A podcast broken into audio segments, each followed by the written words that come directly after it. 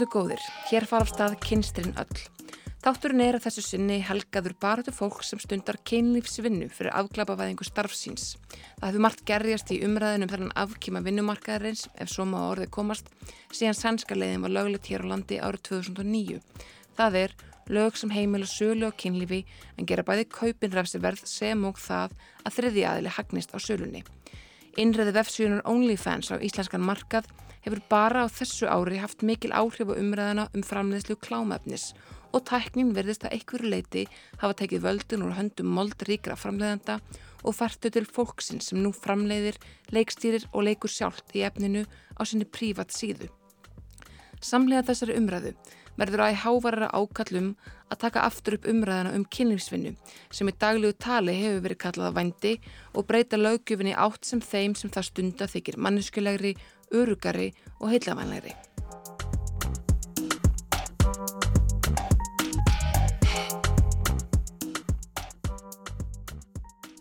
Til minn eru komin þau Renata Arnósdóttir og Ari en þau fara fyrir samtökunum Rauðaraklifin. Samtökunum voru stopnaður 2016 og hafa það markmið að vekja aðtegli á réttindum fólks í kynlífsvinnu og tala fyrir bæði breyttum viðhorfum og lögjöf. Mér langar að byrja að forutnast það þessum orðalag. Orðið vændi þykir ekki gott hugtak í ykkar baráttu. Hvers vegna er það? Nei, það er svo gildislaðið orð uh, og þess vegna að því að það er svo oft talað um fólk sem selur kynlíf uh, sem fórnalamp uh, sama hver þeirra reynsla er og þess vegna hefur fólk bæði hérlendis og erlendis notað uh, frekar kynlífsverka fólk eða að selja kynlíf eða manneska sem selja kynlíf mm -hmm.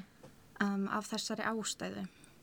Já. Það bara þykir uh, kannski bara koma neyra baráttunni raun og veru að, að uh, nota orð sem er hefur svona neikvæða ári yfir sér ef svo má það komast. Einmitt, einmitt og það er svona Það eru auðvitað fólk sem finnst allt í lægi að nota orði vændi sem að selju sjálf kynlíf og þá er allt í lægi skilju að, að það noti það eða að eftir að fólk áttar sig á því að því finnst allt í lægi að nota þetta orð að það noti það í tali við þetta fólk mm -hmm.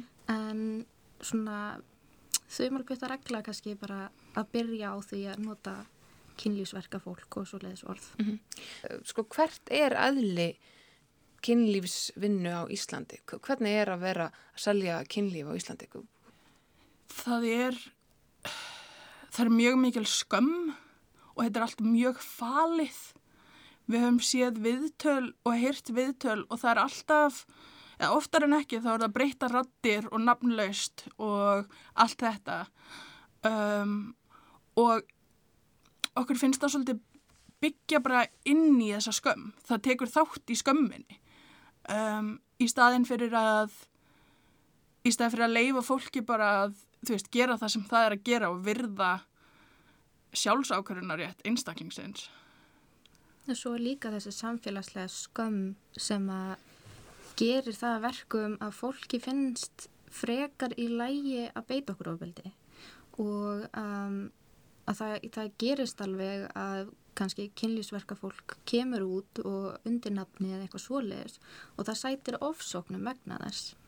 Og sérstaklega þegar það kemur að svona litlu samfélagi eins og Íslandi er að þá er það aukin hætta því allir þekkja ykkur og það er bara svona erfiðar að gæta já bara svona svolítið nafnleindu eða þannig. Mm -hmm.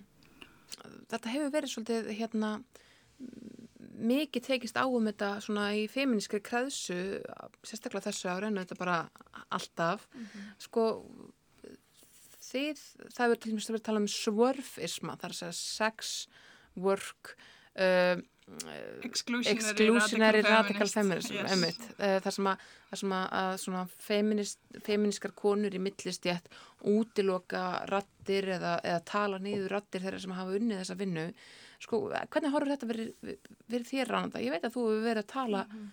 svona mikið inn í þessu umræðu. Og...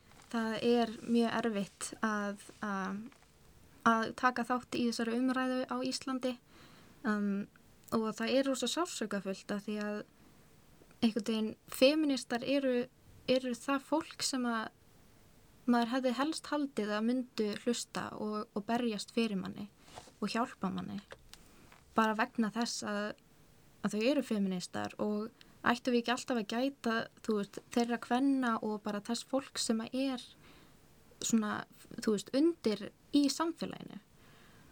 Og það bara ég hef lengt aðeins svo oft í því að, að svona, í svona kommentakerfum eða þú veist, bara á feminista uh, grúpum á Facebook að um, það er einhvern veginn eins og það sé alltaf að tala við okkur eins og við höfum ekki vit fyrir því sem við erum að segja. Eða við séum heila þvegin það hefur líka verið í að því að við værum mögulega pimpar. Um, alls konar svona mjög áhugavert um, og ég veit bara oftar en ekki alveg hvernig ég á að svara því af því að það er svo, þú veist það fólk þekkir mikið neitt.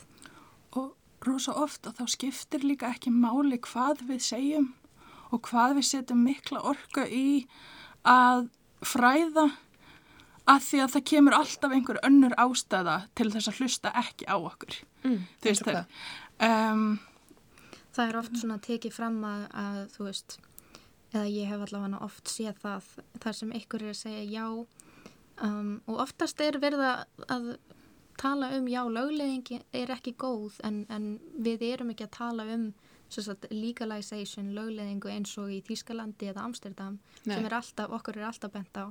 En við erum að tala fyrir afklæpavæðingu eins og í Nýja Sjálandi og það er allt önnur aðferðafræði.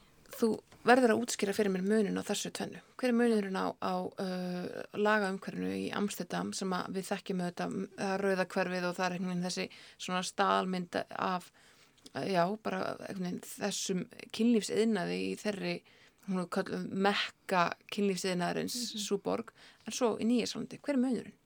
Munurinn er aðalega á meðal innflytjanda sem eru kynlífsverka fólk.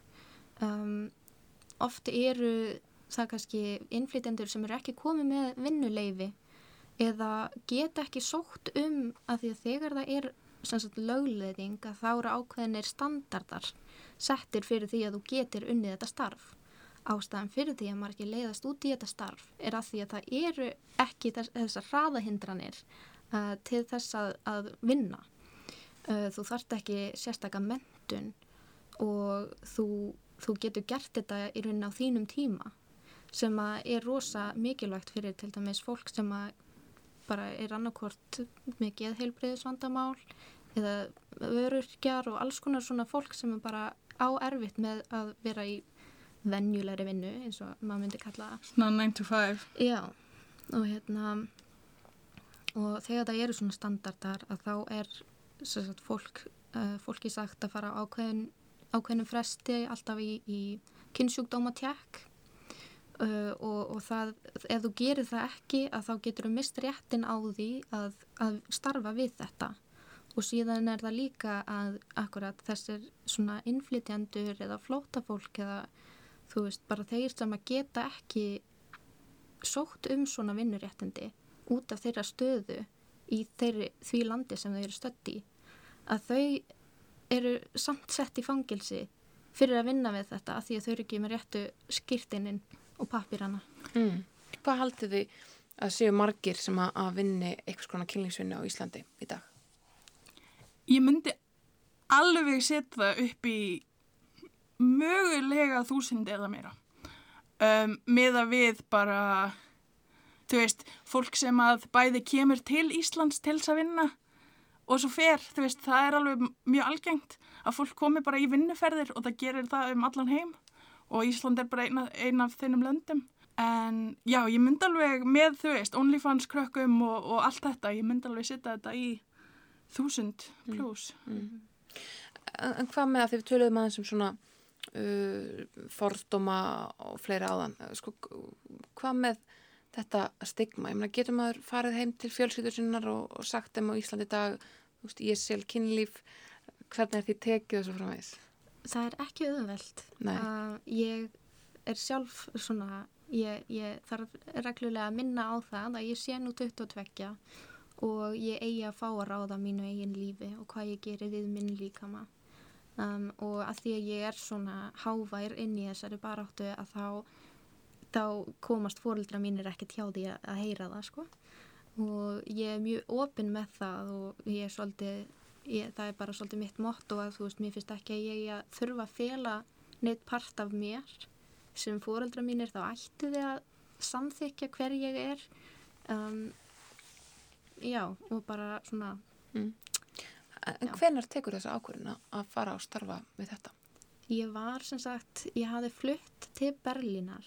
Um, ég var 19 ára, eða verða 19 ára og ég ætlaði bara að flytja þangað til að lifa lífinu. Ég vissi ekki alveg hvað mér langaði að gera uh, og ég, ég hafði ekki sem sagt klára mentaskóla. Ég var bara svona, var ekki alveg viss hvað mér langaði að læra heldur og ég ætlaði bara aðeins að komast burt frá Íslandi og, uh, og njóta mín. Og þá fór ég að sækja um vinnur út um allt í Berlín. Og síðan kom bara upp svo staða að ég var ekki að fá uh, ég var ekki að fá neina, neinn tilbúð og ég hugsaði ok, þú veist ef, eitthvað, ef ekkert verður að þessum vinnum eða þessum umsóknum sem að ég er að senda inn að þá, þá strippa ég bara og í rauninni var þetta auðveld ákvörðun fyrir mig að því að allt mitt líf hef ég dansað. Ég var í ballett í 15 ár og það er bara mjög eðlilegt fyrir mér að vera upp á sviði. Mm. Og ég saknaði þess mjög mikið að vera upp á sviði. Ég hafði svona freka nýlega hægt í ballett á þessum tíma út af átröskun og var kannski ekki með, svona, ég var smá stressuð En eftir fyrstu vaktina mína og eftir ég kynnti stelpunum sem voru þarna líka að vinna að þá fann ég bara svona ok, þú veist, ég hef alveg áhuga á þessu. Þannig ég bara byrjaði að kynnast heiminum aðeins betur og kynnast öllum stelpunum og svona. Og, og hvaða leið tók að þig? Hvernig, hvað varstu lengi að vinna á þessum stað og, hvernig fannstu þennan stað í Berlín? Hvernig mm. ágastu þetta er hérna, hérna langar með að dansa? Ég var sem sagt bara á Craigslist sko. Og hérna að leita þar. Og ég sá að það var verið að leita að svona barþjóni. Og ég fór þangað í viðtal og síðan sagði hérna yfirmaðurinn að þú veist já ef þú vilt eitthvað tíma dansa þá getur þetta þú veist gert það líka. Uh, okkur vantar alltaf dansara. Og mér leist eiginlega strax miklu betur á það af því að mér fannst það miklu meira ég heldur en að vera barþjóð. Líka herri laun. Já, herri laun og hérna þannig ég ákvaði bara þetta kvöld að taka pröfuvakt strax Mm. og ég gerði það og ég er rosa ánægð en ástæðan fyrir því að ég hérna vann ekki þarna á þessum stað lengi um, ég tók bara örfáar vaktir þarna og það var að því að ég hafi kynst manni uh, í gegnum Tinder og hann, við endum á því að byrja saman. Uh, þetta var ofbeldisamband, uh, þróaðist út í það en var það ekki í byrjun. En hann sagði svona eitthvað að ég ætti að hætta að strippa og þetta væri, þú veist, ég væri miklu betri en þetta og eitthvað svoleiðis. Sem að, svona, þegar ég lít tilbaka, að þá held ég að hann væri, sko, að segja þetta til þess að vera góður en hann var bara að reyna að stjórna mér og mínum líkama á annan hátt. Því sambandi líkur uh, uh, og, og ferðu þú aftur að dansa? Ég byrjaði á því, sagt, þegar sambandinu líkur þá var ég byrjuð í skóla og byrjaði að læra í grafískri hönnun og hérna, Út í Berlín? já, og síðan fer ég bara að pæla í þessu, ég er eitthvað svona, ég leið á því að vera ekki með vinnu, en ég er ekki alveg til í svona venjulega vinna því að þá myndir hvort þið er ekki borga nóg. Um, þannig að ég ákvað bara að skrá mig á síðu sem heitir Seeking Arrangements.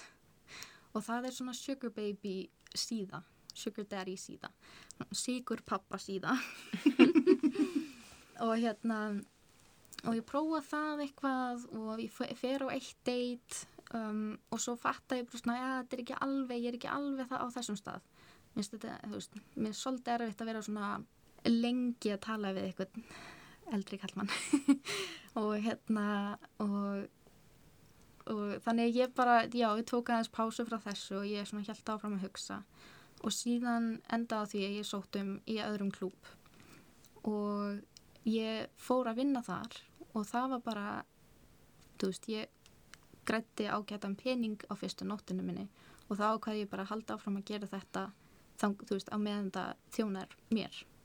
En það kemur alltaf þessi umræða, e- eins og í feminískur umræðu, kemur alltaf þessi umræða um sjálfsverðinguna. Já, Uh, og þú lýsir þú veist, því að þú hafa verið í ofbeldissambandi og, og það er svona tekkar í mörg boks fyrir þá sem eru mjög andvígir kynlísvinu.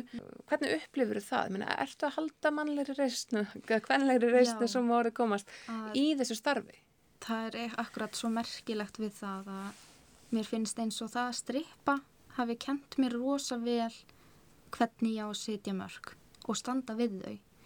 Af því að þegar þú ert í svona starfi að þá þarftu að gera það. Mm. um, annars ertu bara að fara að brenna út og þér mun ekki líða vel þannig að ég fór að gera það og ég í rauninni læriði bara að samþykja sjálfa mig eins og þú veist óháð því hvað ég væri að vinna við eða þú veist óháð því hvað ég væri að gera í núinu og þetta gaf mér mikið sjálfströst sko bara, bara þetta umhverfi sko að vinna með þessum, þessum konum uh, og við vorum margar með bara svona freka svipaðar einslur í lífinu. Já, mér fannst það bara indislegt og geta dansað og vera sviði og fengið vel borgað fyrir það. Mm Og hérna, auðvitað er það svolítið vesen sko á streifklúpum að það yfirmennir er ekki alltaf góðir sko. Og það er akkurat annað sem við viljum endilega breyta. Þú veist, ég væri mjög til í að, þú veist, fyrst að við erum land feminísmann, skilur, eða viljum allavega kalla okkur það svona að þá finnst mér að við ættum alveg að geta verið með strippklúb sem að passa réttindi og öryggi dansarana. sem er líka í eigu dansarana. Já, Það er, veist, það er eitthvað sem er að gerast um allan heiminn akkurat núna. Strippirar eru að, þú veist, rýsa upp og stopna sína eigin staði, stopna sína eigin verkefælausfélag, að því að enginn hefur áhuga að gera þetta fyrir okkur eða með okkur. Þannig að við erum bara að gera þetta sjálf. og það er akkurat eitt af þessu, þessum stóru vandamálum þegar maður er dansari og, og þú veist, maður er ekki sáttur með eitthvað, hvort sem það er yfirmannir eða uh, öryggismál á staðnum eða eitthvað svoleiðis og maður kvartar undan því maður segir, þú veist, af hverju er þetta svona og, og þá er fólk oft að segja sko utanaðkomandi fólk, fólk sem er ekki innan, það segir bara við hverju bjóstu, þú veist, farðu bara að vinna við eitthvað annað. Okkur ert að gera þessa vinnu eða þú ert ekki tilbúin í þetta. Veist, En þú veist, en það myndi ekki. enginn, segja það við skilu eins og hjúgrunafræðinga sem eru að berjast fyrir betri launum og þú segir bara, "Æ, akkur fer ekki bara í eitthvað aðra vinnu, mm Mhm. skilur þú veist, eða kaffi bara þjóna þar sem að, þú veist, kunnan eru öskra á mann og, og eru bara ógísla dónulegir, það er enginn bara eitthvað, hættu bara að vera kaffi bara þjón, þú veist, þá myndi enginn þig. En hvað með þig, Arik? Hvernig f- fórst þú út í uh, þessa vinnu? Hvað var til þess að þú fórst þessa leið? Um, ég þurfti að borga leigu. það er eiginlega bara það. Ég þurfti að borga leigu og ég átti góðan vinnahóp sem að hérna var fullur af fólki sem er í kynlísunni og já, það var engin skömm í kringum þetta, það var ekkert skrítið, það var ekkert ógeðslegt, það var bara, þú veist, já, ok. Og já, þú veist, þetta, þetta, þetta virkaði ekkert skrítið fyrir mér. Og var upplifun alltaf jákvæð? Uh, ég myndi ekki segja jákvæð en ég myndi ekki segja neikvæð. Ég myndi bara segja að þetta var vinna. Mm. Þú veist, þetta var bara eins og vinna. Stundum var ógíslega leðilegt og stundum átti ég, þú veist, gett goðavakt eða það er, þetta er bara, já, þú veist, ég líti á þetta svolítið eins og bara, þú veist, hver önnur vinna sem ég vinnið. Það er stundum erfitt og stundum leiðilegt og stundum ógslag skemmtlegt og stundum er ég bara að hugsa um það sem ég ætla að kaupa fyrir peningin eða æskilir en ég gera það í öllum vinnum sem ég hef vinnið. Bara þú fáið sem er spurningu. Þú veist, hvað með sjálfsverðinguna, hvað með, veist, all, allt þetta sem kemur upp þegar að, þessir hlutur eru rættir. Mér finnst þetta rosalega fyndið að því að ég áveila sömu upplifun og Renata í sambandi við þetta því að ég, mér var aldrei kent mörg. Hmm.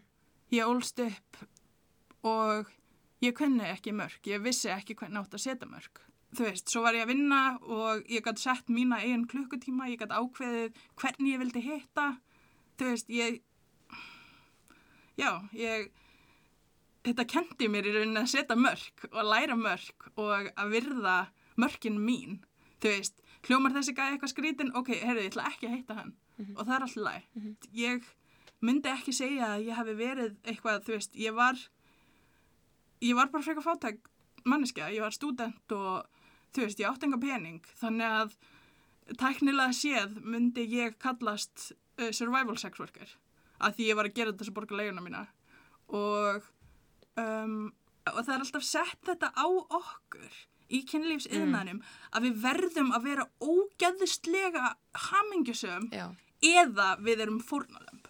Einmitt. Það er ekki hægt að vera bara miðju vegur sem að þú veist, þetta er bara eins og hvert annar starf, það er miðju vegur. Og einu ástæðunar af hverju við upplifum ofbeldi er hvernig samfélagið tekur við okkur.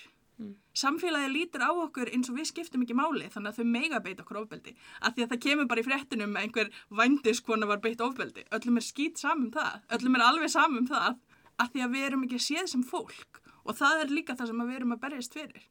Við erum að berjast fyrir að minga þessa skömm og að fólk fatti að við erum líka fólk. hver er ykkur svona drömsýn varðandi það bara hvernig almenningur horfir á þessi störf? Þegar þú, að þú talar um það að, að hérna, já, almenningur líti niður af fólk sem er í kynlífsvinnu. Mm Hvernig myndu þið vilja reynda, ég meina, hv- ef, ef heimurinn er þið fullkomin á morgun í ykkar huga, hvernig líti hann út? Ég myndi vilja bara að, að fólk myndi ekki koma fram við hvort annað öðruvísi um, eftir því við hvaða vinnur. Um, alveg, og þetta er svolítið svona, það að vera í kynlífsvinnu, það er ekki tengt neinu siðferðislegum spurningum. Og þú veist, alveg eins og það að vera lögmaður er ekki tengt siðferðislegum spurningum eða þú veist, hvað annað. Um, ekkert endilega nema að þú gerir það þannig. Mm. Af því sumir hafa litið á kynlýsverka fólk eins og sé bara ekki með neitt siðferði eða þú veist, það sé bara eitthvað svona, eitthvað skemmt fólk. Það Það hefur verið sagt við þannig. okkur. Já. Á internetinu, okkur bæði, að við séum bara skemmt og við skiljum ekki.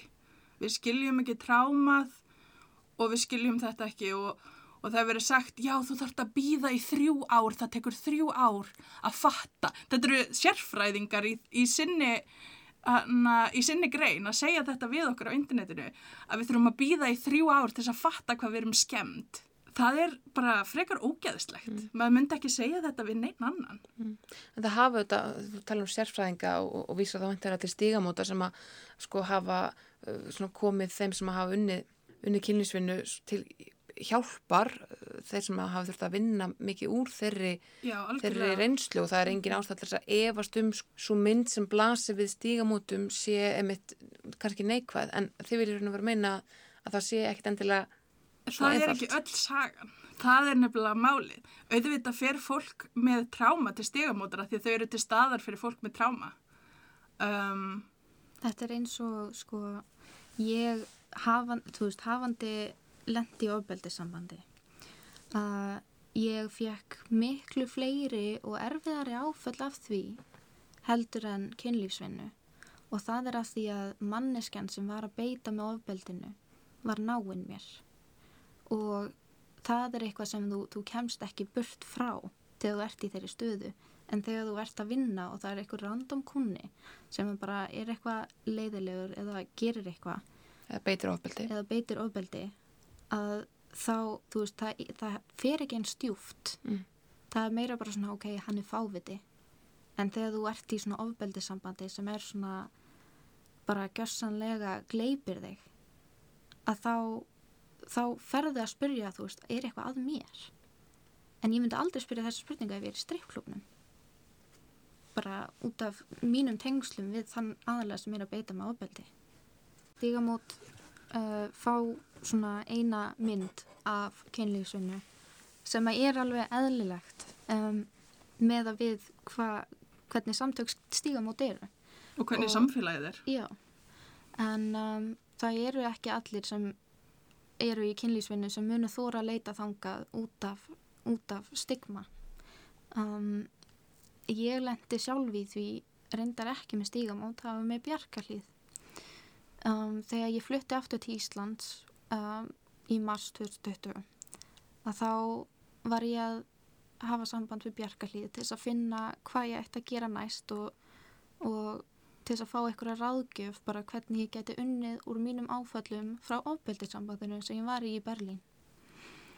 Uh, ég fekk að heyra í ráðgjöfa í síma og hún fór svona að spyrja mig út í lífi mitt og hvað hva var ég að gera í Berlín og ég myndist á það að ég hefði verið að strippa þar. Og hún sagði sem að mér blöskraði svo við að heyra þetta að því að hún er að vinna þarna í Bjarkarlíð. Taka á móti fólki með bara áfallastríturöskun og mm -hmm. fólk sem hefur landið erfiðum hlutum. En hún sagði, hérna, strippari, akkur varst að því, þú ert alltaf greind fyrir það. Hérna, þú, ég segi bara í skóla með því stelpa. Og ég hugsaði þetta er nákvæmlega það sama og ég hef heyrt frá svömmu kúnum segja, akkur þú stripparið þú ert svo svona greint og ég bara eitthvað, ég er strippari og ekki í skóla. Þú veist, ég er, ég er að strippa til þess að hafa efna á uh, leigu eitthvað svona með skóla Líka... að ég veit að ég, ég hef upp á margt að bjóða og ég veit að ég get þjana góðan pening af því að þá er ég að strippa. Þannig að þú upplýðir raun og veru mikla fordama frá uh, batteríi sem að átti að aðstöða þig. Þetta er mjög gömul mýta að fólk sem að sé í kynlífsvinnu að sé að því að því að það er of heimst til þess að gera neitt annað sem er svo langt frá sannleikan. Þetta er sko. líka bara önnur leið sem að fólk notar þess að afmennsku okkur. Já. Mm -hmm. Að mála fólk í kynlífsvinnu upp sem illa gefið. Já. Já í sambandi við hérna samþyggið líka að því að það er oft sagt við okkur að við getum ekki samþyggt þegar það er peningur tengdur þessu en samþyggið okkar er byggt á því að fá laun samþyggið mitt er byggt á því að ég fái greitt ég veiti samþyggi þegar ég kom með peningi í, í hendunar þú veist, þá það að einhver kona út í bæsi að taka það frá mér að ég sé actually ekki að veita samþyggi mér finnst það bara rosalega skrítið. Mm -hmm. Og samþykkið kannski, þetta er mjög góð punktur, um, en samþykkið er líka skilir, það er fyrir einhverju, ákveðinu þjónustu. Í, en það er alltaf þannig í, þú veist, öllu kynlífi. Þú veitir ekki samþykki fyrir allt í persónulegu kynlífi bara því að þú vilt, þú veist, penetration. Þá það þýðir, þú veist, allir skilja það að það þýðir ekki líka allt hitt. Þú veist, Þannig að ég er að gefa samþyggi fyrir eitthvað sérstakt, fyrir pening. Mhm. Þetta er svolítið eins og þegar þú ferð í og lærir um BDSM að þú veist, maður gerir kannski lista og segir, ok, þetta er ég ekki til ég að gera og, og þetta eru hlutirnir sem ég vil kannski prófa og þetta eru hlutirnir sem ég er alveg til í. Mm. Þannig að það er ákveðin, þú veist, þú ferð yfir þetta áður en þú gerir neitt. Bara til þess að, þú veist, öllum líði vel og til þess að, já, auka öryggi bara og er þetta gert í kynlísinu? Er, er farið yfir sko, skilmála kaupana ef svo mári komast? Rosalega oft á Íslandi hef ég tekið eftir. Þetta er svolítið öðruvísi heldur en í öðrum löndum. Um, á Íslandi þá er þetta samtal tekið rosa rækjulega því að fólk er að borga fyrir tótt eða borga fyrir samfarir, þú veist, sérstaklega. Þannig að fólk er þú veist, kannski segir kannski 10.000 kall fyrir tótt og þá er það 10.000 kall fyrir tótt og þá er ekkert meira gert þú veist, þá er það bara 10.000 verði fyrir þetta eða 20.000 verði fyrir þetta um, það er alltaf átt þetta samtal og það er eins og fólkið sem vil rýfast rosa mikið við okkur á netinu það gerir sér ekki grein fyrir að þetta samtala á sér stað og það er rosa oft sem að við föttum já ok, þú hefur enga upplifuna sem yfirnaði að því að þú ert bara að halda það að peningurinn fer í hendunar þínar og þú segir ekki neitt og manneskjan bara gerir það sem hún vil. Það er bara ekki raunin. Mm -hmm. Það er, já. En, en ef hún segir, ég er búin að borga hérna, Hva, hvað er samtala á sig þá stað? Þá á samtalið sér stað að maður segir, já þú borgaður fyrir sérstakka þjónustu og ég er tilbúin að gera hana. Ef þú ert ekki tilbúin í það, þá getur bara farið. Og þá er það bara þannig. Mm -hmm. mm -hmm. Eitt inn í þessari svona feminísku umræðu mhm. og, og ég svona er farin að hallast að því að mm, ég er svona ekki farin að veltaði fyrir mér hvort að uh, það sé kannski of mikil krafa gerð um að uh, kynlífsvinnas sé eitthvað sérstaklega feministka að þurfa að passa inn í eitthvað feminiskan ramma mm -hmm. uh, en áður en við kannski förum þangað, þá langar mig að spurja aðeins um sko út frá þessum feministka vinkli. Um, hvað með konuna sem sölu vöru, neikvæðar hugmyndir og neikvæðar afleðingar því að konur séu bara yfir höfuð til sölu, yfir höfuð á bóðstólunum sem markaðsvara. Mér finnst þetta mjög áhugavert að því að ég hef komist að því sem strippari að kallar um, eiga það til að vera uh, hvernig segir maður entitled bara svona Hérna. tilætluna samir eða svona, Já. já, þeir bara ætlast til að þú, þú gefið þeim allt eða ætlast til kynlífs eða ætlast til að mega snerta þig eða eitthvað svoleiðis og þegar þú segir til þess að þú geti gert það þá þarf það að borga þá verða sumir mjög móðgæðir og er alveg bara hver heldur þú að þú sért að alltaf, þú veist, ég get fengið þetta frýtt frá Stín út í bæ og ég bara, ég er ekki Stín út í bæ. Þú veist, þetta er svona að, að sumir og eða margir kallmenn verða jáfnvel bara móðgæðir að þú skulir ekki bara gefa allt af þér frýtt þannig að, já ég, En bara í svona í stóra samhenginu, konur sem markaðsvara. Sko að því að hún, í, í fyrsta þættinum á kynstrinu, þá kom hún Hanna Björg Viljámsdóttir, uh, kynjafræðingur, og hún sagði, uh, ég dreif ekkert ef að einhverjar konur eða eitthvað fólk geti upplifað, uh, já, sko, eins og hún orðaði að sko, upplifa valdablandi að selja kynlíf eða vera í klámi en heilt yfir er það neikvægt fyrir konur að það séu yfir, yfir höfu til sölu, bara hvern kynnið í heilsinni. Þetta er nefnilega rosa mikill miskilíkur á því að við erum ekki til sölu. Við erum að bjóða upp á þjónustu. Líkaminn okkar er ekki til sölu.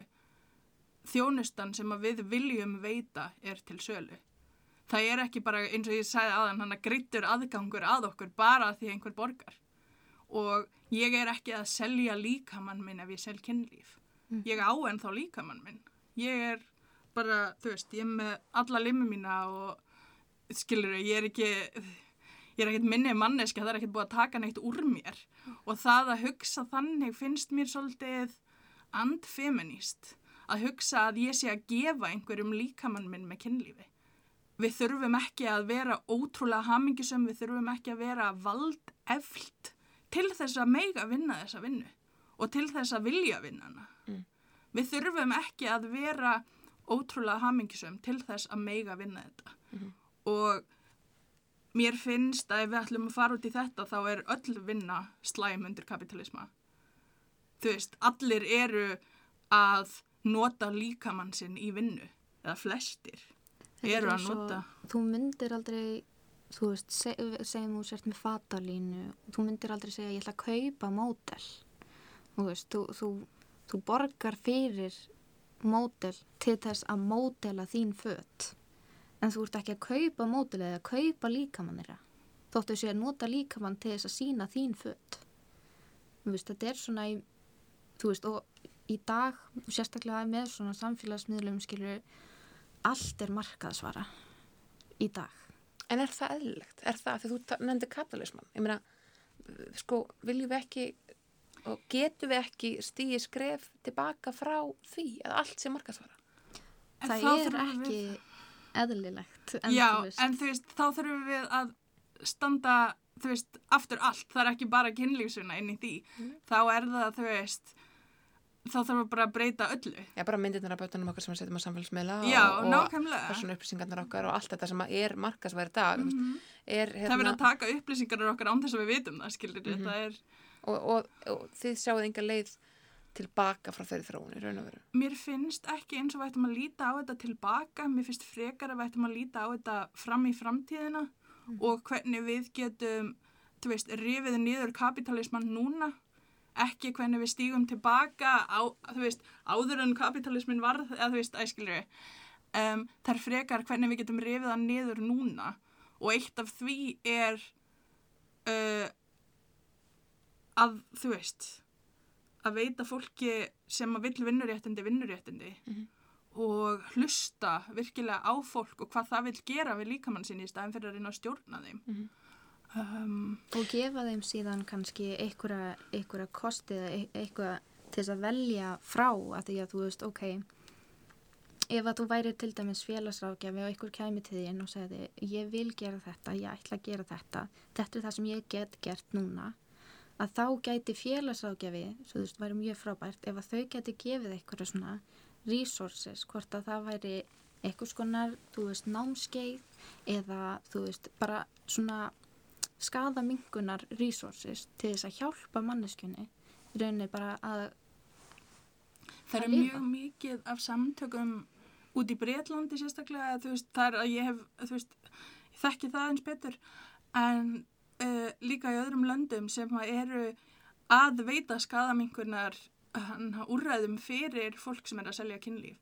Hvort sem það er um, í Danmörku þá er hérna The Red Van sem að uh, er með smokka og hana hjúgrunfræðing og þau eru með bíl sem að fólk getur unnið í örugt í stað þess að vinna á gödunni um, og svo erum við að tala um á Breitlandi þá eru fullt af samtökum sem að fara og, og hérna gefa smokka til fólks uh, þar sem að getur fengið svona kort til að uh, fara í kynnsjókdómafróf um, þú veist, anþess að neina spurningar eru spurðar, maður fær bara svona kort og þá getur maður bara sínt kortið og þá fer maður bara inn.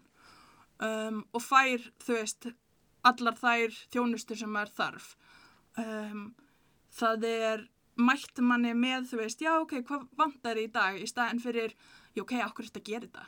Mm. þú veist, hvað getur við gert þess að láta þið stoppa? Í, þú veist, í staðin fyrir bara að virða það að þessi manneska er í þessari starfskrein um, um, Kanski svona að lokum að þegar við töluðum að þessum sko, þú nefndir Ari ábyrðina sem að lægi á fólki kynlýfsina að vera ægilega hamingsamt í vinnunni mm -hmm. það verður svona eitthvað krafa gerðum eitthvað ef þú ætlar að vinna þess að vinna þá verður það að gera það því að þú virkilega elskar að sinna kynlýfsvinnu mm -hmm. uh, tölum það aðeins um aðra ábyrð sem er auðvitað, ég er auðvitað að leggja hér og ykkar herðar að réttlata eða fræða eða vera eitthvað neginn með óbærslega málefnilegt bein í nefnu varðandi þessi mál um, og því auðvitað komið uh, sko framfyrir hönd uh, þessara samtakað þannig að mhm. hérna, þið eru svo sem ekki að hafna þessari ábyrð en, en þessi sko ábyrða að það sé feminist, það sé búið að hugsa þetta út frá einmitt siðferðislegum hugmyndum veist, er, e, erum við kannski á villikotum þar þarf ekkert að e, sko, þurfa ekki allir sem sinna þessum störfum að vera búin að þaul hugsa þetta eða hvað? Ég mæli náttúrulega auðvitað með að mér hugsi að því að þú veist þetta er út af samfélagslega viðhorfi, þá er þetta erfitt og það er ofbeldið þannig, ég ætla alls ekki að, að eh, fela mig frá því. Það er ofbeldið þannig, en ástæðan af hverju ofbeldið er til staðar er, þú veist, samfélagslega viðhorf. Um, það er það að við erum séð sem minna fólk. Við erum séð sem, þú veist, fólk sem skiptir ekki máli. Um, þannig að í rauninni, þú veist, það er það sem þarf að breyta. Haldið þið að samfélagsmiðlar geti breytt þessum viðhórum?